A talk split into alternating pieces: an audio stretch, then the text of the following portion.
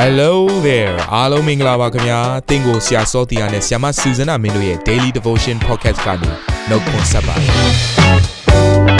ဆရာနဲ့ဆရာမတို့ရဲ့အသက်တာမှာဘုရားရှင်ပြုတဲ့ကောင်းကြီးမင်္ဂလာများစွာရှိပါတယ်အဲ့ဒီအထက်ကပြန်လဲစီးဆင်းတဲ့နှုတ်ကပတ်တော်ကိုဒီနေ့မှနားထောင်ပြီးခွန်အားယူကြမှာဖြစ်ပါတယ်နေ့စဉ်10မိနစ်လောက်အချိန်ပေးပြီးမိမိရဲ့အသက်တာကိုကောင်းကြီးဖြစ်စေမယ့်ဘုရားသခင်ရဲ့နှုတ်ကပတ်တော်နဲ့နီးလန်းတွေကိုအတူတကွခံယူကြရအောင်ခင်ဗျာ အားလုံး Merry Christmas ပါအားလုံးကိုနှုတ်ခွန်းဆက်ပါတယ်နှုတ်ကပတ်တော်ကိုကျွန်တော်တို့ Daily Devotions အနေနဲ့ခံယူပြီးတော့လေ့လာခဲ့တာအခုဆိုရင် Week 7ကိုရောက်လာပြီဖြစ်ပါတယ်ဒီတစ်ပတ်မှာကျွန်တော်တို့နှုတ်ကပတ်တော်ခံယူမဲ့ခေါင်းစဉ်ကတော့ဤလောကကဘာဤနောက်ဆုံးနေ့ရက်များဆိုတဲ့ဒီခေါင်းစဉ်အဖြစ်နှုတ်ကပတ်တော်ကိုကျွန်တော်တို့လေ့လာမှာဖြစ်ပါတယ်အဲ့တော့နှုတ်ကပတ်ကျမ်းစာသည်နောက်ဆုံးသောနေ့ရက်ကာလများကိုကြိုတင်၍ prophet ပြုသော ဘုရားသခင်နှုတ်ထွက်စကားတွေဖြစ်တယ်။ဘုရားသခင်စကားတွေဆိုတာကဘယ်တော့မှဆုံးရှုံးသွားရဆိုတာမရှိဘူး။မဖြစ်လာဘူးဆိုတာလည်းမရှိဘူး။ဘုရားကပြောထားပြီဆိုရင်အကျိုးမဲ့အချင်းဤသက်သက်ဘယ်တော့မှဖြစ်မသွားပါဘူး။အဲ့တော့အနာဂတ်နဲ့ဆိုင်တဲ့အရာတွေကိုဘုရားရှင်ကနှုတ်ကပတ်ကျမ်းစာကနေတဆင့် prophet ပြုချက်တွေအများကြီးကိုဆေလွတ်ခဲ့တဲ့အခါမှာပြည့်စုံခဲ့တဲ့အရာတွေရှိသလိုနောက်အနာဂတ်မှာပြည့်စုံလာမယ့်အရာတွေလည်းရှိပါတယ်။အဲ့တော့ကျွန်တော်တို့နောက်ဆုံးမှာတော့ ဒီကဘာကြီးရဲ့အဆုံးမှာနေ့ရက်တရက်ကိုကျွန်တော်ကြုံရပါဖြစ်ပါတယ်။သင်ဘယ်ဘာသာပဲကိုယ်ကွယ်ကိုယ်ကွယ်သင်ဘယ်လူမျိုးပဲဖြစ်ဖြစ်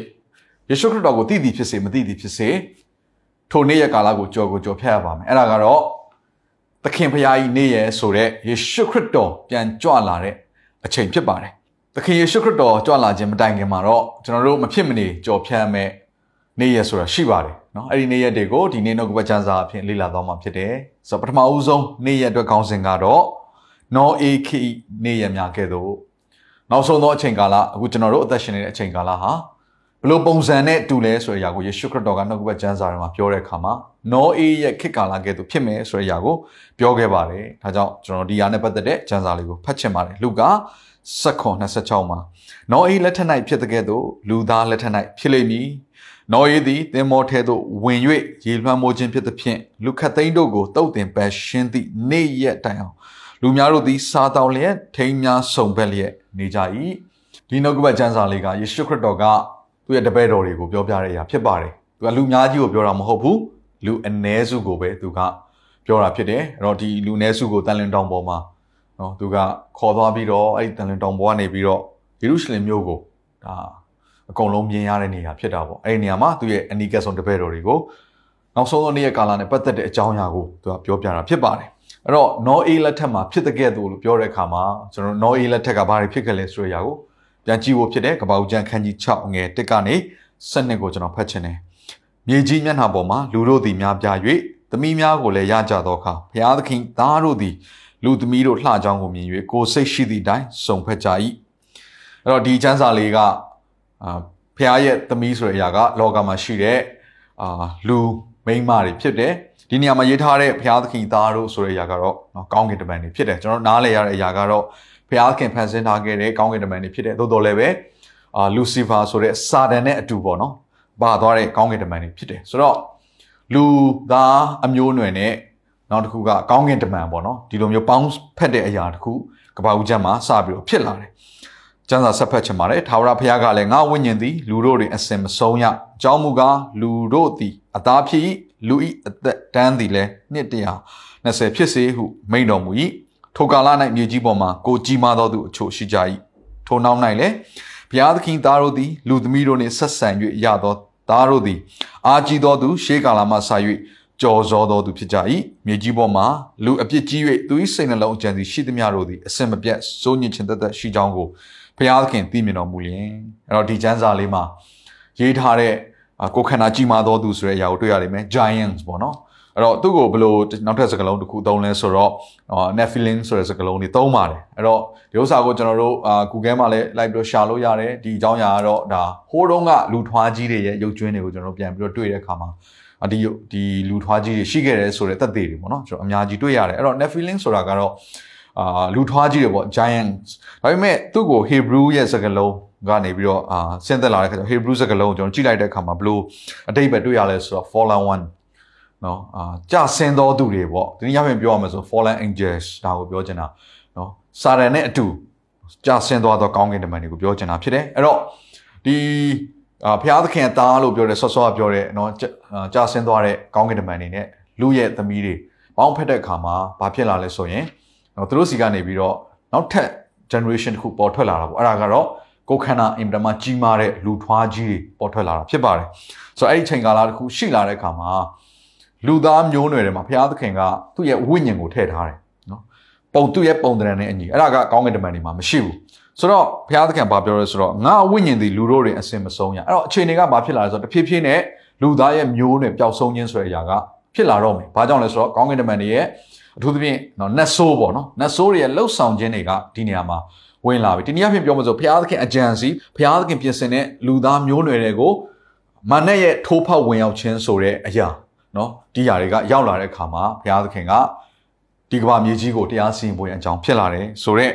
အခြေအနေတွေကိုကျွန်တော်တို့တွေ့ရတယ်ကျမ်းစာဆက်ဖတ်မယ်ဆိုရင်မြေကြီးပေါ်မှာလူကိုဖန်ဆင်းတော်မူသည်ကိုနောင်တရ၍နှလုံးတော်ပူပန်လျက်ရှိတော်မူ၏ထာဝရဘုရားကလည်းငါဖန်ဆင်းသောလူကို၎င်းလူမဆ၍သားများ တွားတက်သောတိရစ္ဆာန်များမိုးကောင်းကင်ငှက်များတို့ကို၎င်းမြေကြီးမျက်နှာမှာငါတုတ်တင်ပဲရှင်မည်သူတို့ကိုဖန်ဆင်းသောကြောင့်ငါနောင်တရသည်ဟုမိန်တော်မူ၏နောအေးမူကားထာဝရဘုရားစိတ်တော်နှင့်တွေ့တော်သူဖြစ်သည်ထိုအခါမြေကြီးသည်ဘုရားသခင်ရှေ့မှပုတ်ဆက်လျက်ရှိမြေကြီးသည်အာဓမအမှုနှင့်ပြည့်စုံလေ၏ဘုရားသခင်သည်မြေကြီးကိုကြည့်ရှုသောအခါပုတ်ဆက်လျက်ရှိသည်ကိုမြင်တော်မူ၏အကြောင်းမူကားမြေကြီးပေါ်မှာလူအပေါင်းတို့သည်ဖောက်ပြန်ခြင်းသို့ရောက်ကြပြီ အဲ့တော့ပထမတစ်ချက်ကတော့အာရန်နဲ့အေဝါကနေတဆင့်အပြစ်ဆိုတဲ့အာဗီဇပေါ့နော်အပြစ်ဆိုတဲ့မျိုးစေ့ကရောက်လာတဲ့အခါမှာအဲ့ဒီຢာအားဖြင့်လဲလူတွေကဒုစရိုက်အပြစ်ကိုလှုပ်လာတယ်ပို့ပြီးတော့ဆိုးတဲ့ຢာကတော့မန်နဲ့ရဲ့အာသူ့ရဲ့တမန်တွေဖြစ်တဲ့နတ်ဆိုးတွေရဲ့လူသားနဲ့ပေါင်းဖော်ခြင်းကနေပေါ်ထွက်လာတဲ့နောက်ထပ်မျိုးရိုးတစ်ခုဟာလူသားရဲ့မျိုးတွေကိုအကြီးကျယ်အာနော်ဒါရိုက်ခတ်လာတဲ့သဘောဖြစ်တယ်အဲ့တော့သူတို့ရဲ့အရာခတ်သိမ်းလှုပ်ဆောင်သမျှအရာခတ်သိမ်းစဉ်းစားသမျှအရာခတ်သိမ်းဟာစိုးညစ်ခြင်းတသက်ဖြစ်တယ်နော်ဆိုတော့ဘုရားသခင်ကို အာရံပက်ပြုခြင်းတသက်ဖြစ်တယ်ဆိုတော့အဲ့ဒါအပြင်သူတို့ရဲ့အင်အားကြီးထွားလာမှုပေါ့နော်ကိုခန္ဓာကအစကြီးထွားတဲ့ຢာတွေရှိလာတဲ့ခါကျတော့အာဘာဖြစ်လဲဆိုတော့ဘုရားသခင်ပြင်ဆင်ထားတဲ့လူသားမျိုးနဲ့အတွက်နော်ရက်တန့်သွားစရာအကြောင်းတွေလည်းအများကြီးရှိတယ်ဆိုတော့ဘုရားသခင်ကနောက်ဆုံးမှာ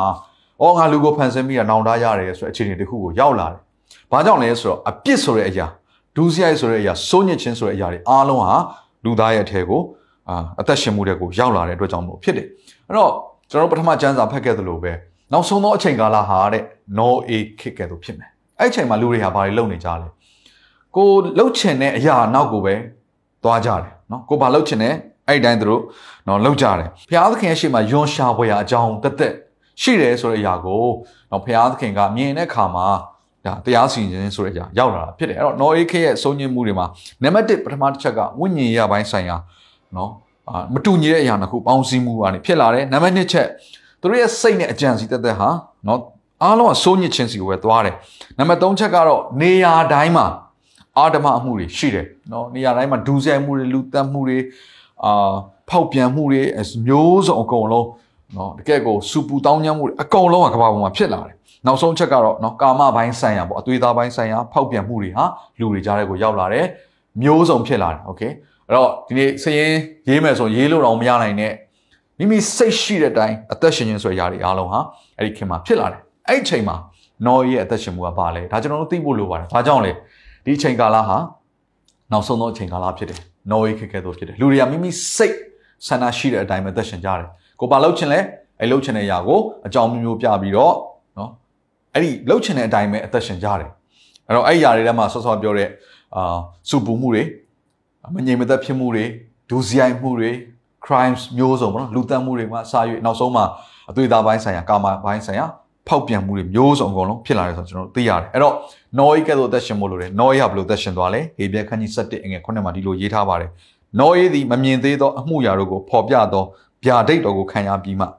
ယုံကြည်ခြင်းအပြင်ကြောက်ရွံ့သောစိတ်ရှိ၍မိမိအိမ်သူအိမ်သားတို့ကိုကယ်တင်ခြင်းကတင်မောတီလေ၏ထို့သို့ယုံကြည်ခြင်းအပြင်လောကီသားတို့ကိုအပြစ်တင်၍ယုံကြည်ခြင်းနှင့်ရှင်သောဖြောင့်မတ်ခြင်းကိုလည်း အမွေခံရ၏နော်အေးကဘယ်လိုသက်ရှင်သွားလဲယုံကြည်ခြင်းကိုပဲဆွဲဆွဲမြဲမြဲကင်ဆွဲထားတယ်ဆိုတာကိုနားလည်ဖို့ဖြစ်ပါတယ်။နေသင်္ဘောတိဆောက်တယ်နော်အေးတိဆောက်တဲ့သင်္ဘောဟာယေရှုခရစ်တော်ကိုဖော်ပြနေတာဖြစ်တယ်။နော်ရဲ့သင်္ဘောတွေကိုဝင်သောသူတိုင်းကကယ်တင်ခြင်းခံရတယ်လို့ပဲယေရှုခရစ်တော်ကိုမိမိရဲ့အသက်တာထဲမှာဖိတ်ခေါ်လက်ခံပြီးတော့ကိုယ့်ရဲ့အသက်တာကိုခရစ်တော်ရဲ့အထဲကိုအနံလိုက်တော်သူအားလုံးဟာနောက်ဆုံးသောအချိန်ကာလရဲ့စိုးညစ်ခြင်းတွေနောက်ဆုံးမှာတော့လူသားရဲ့နေ့ရက်လို့ပြောတဲ့ ယေရှုခရစ်တော်ရဲ့နေ့ရက်ကိုရောက်လာတဲ့အခါမှာတရားစီရင်ခြင်းကနေလွတ်ကင်းမှာဖြစ်တယ်။ဘာကြောင့်လဲ။သင်ဟာယေရှုခရစ်တော်အထဲမှာရှိလို့ဖြစ်ပါတယ်။ဒါကြောင့်ဒီຢာကကျွန်တော်တို့စိုးရင်ပူပန်ဖို့ရန်ယေရှုခရစ်တော်ကပြောတာမဟုတ်ဘဲနဲ့ကြည်ကြပါဆိုပြီးတော့ယေရှုခရစ်တော်ကကျွန်တော်တို့ကိုကြည်မြင်တတ်ဖို့ရန်အလို့ကသူကပြောခဲ့တာဖြစ်ပါတယ်။အဲ့တော့ကျွန်တော်တို့ကမိမိပုံမှန်တိုင်းသွားယူသွားစဉ်ပုံစံမျိုးနဲ့နော်အမှတ်တမဲ့နေဖို့မဟုတ်တော့ဘဲနဲ့ကိုယ်ပတ်ဝန်းကျင်မှာဘာတွေဖြစ်နေလဲ။နော်အေခစ်ကဲ့သို့ဖြစ်နေတယ်ဆိုရင် ကျွန်တော်တို့ရဲ့အသက်တာမှာလဲနော်အေကဲ့သို့သောယုံကြည်ခြင်းနဲ့ဘုရားသခင်စီကိုအစဉ်မြဲတိုးဝင်ပြီးတော့ယေရှုခရစ်တော်ကိုအရာယူထားဖို့ရအရေးကြီးတယ်ဆိုတဲ့ຢာလေးကိုဒီနေ့နှုတ်ကပတ်တော်အဖြစ်သတိပေး၍နှိုးဆော်ခြင်းပါတယ်ခဏလောက်ဆုတောင်းရအောင်ဘုရားသခင်ကိုရောကိုယေရှုတင်ပါတယ်ကိုရောဒီအနာဂတ်ကိုပိုင်တော်ဘုရားဖြစ်ပါတယ်အနာဂတ်မှာဖြစ်လာမယ့်အရာခက်တဲ့ကိုကိုရောကနော်အေခင်နဲ့နှိုင်းရှင်ပြီးတော့ဒါတို့ကိုသတိပေးခဲ့ပါတယ်ယနေ့အသက်ရှင်နေသောသူတယောက်စီတိုင်းသည်မိမိရဲ့ပတ်ဝန်းကျင်မှာဖြစ်ပျက်နေသောအရာများကို မြင်ပြီးတော့ကရောရှင်ဖျားသတိပေးစကားသံကိုနားထောင်ပြီးတော့နော်အေကဲ့သို့ယုံကြည်ခြင်းအပြင်အသက်ရှင်သောသူတွေဖြစ်ဖို့ရန်ဝိညာဉ်တော်ဖျားမာစာပါဝိညာဉ်မျက်စိများကိုဖွင့်လျက်မိမိရဲ့အသက်တာကိုကိုရောလက်တော်သို့အနှံခြင်းအပြင်ယုံကြည်ခြင်းဖြောင့်မတ်ခြင်းအပြင်နောက်ဆုံးသောနေ့ရဲ့ကာလမှာအသက်ရှင်တတ်သောသူများဖြစ်ဖို့ကိုရောယေရှုပြုပါမိကြောင်းအသက်ရှင်တော်မူသောနာဇရက်မြို့သားယေရှုခရစ်တော်၏နာမကိုအမိပြုလျက်ဆုတောင်းဆက်ကအနှံကြပါ၏အာမင်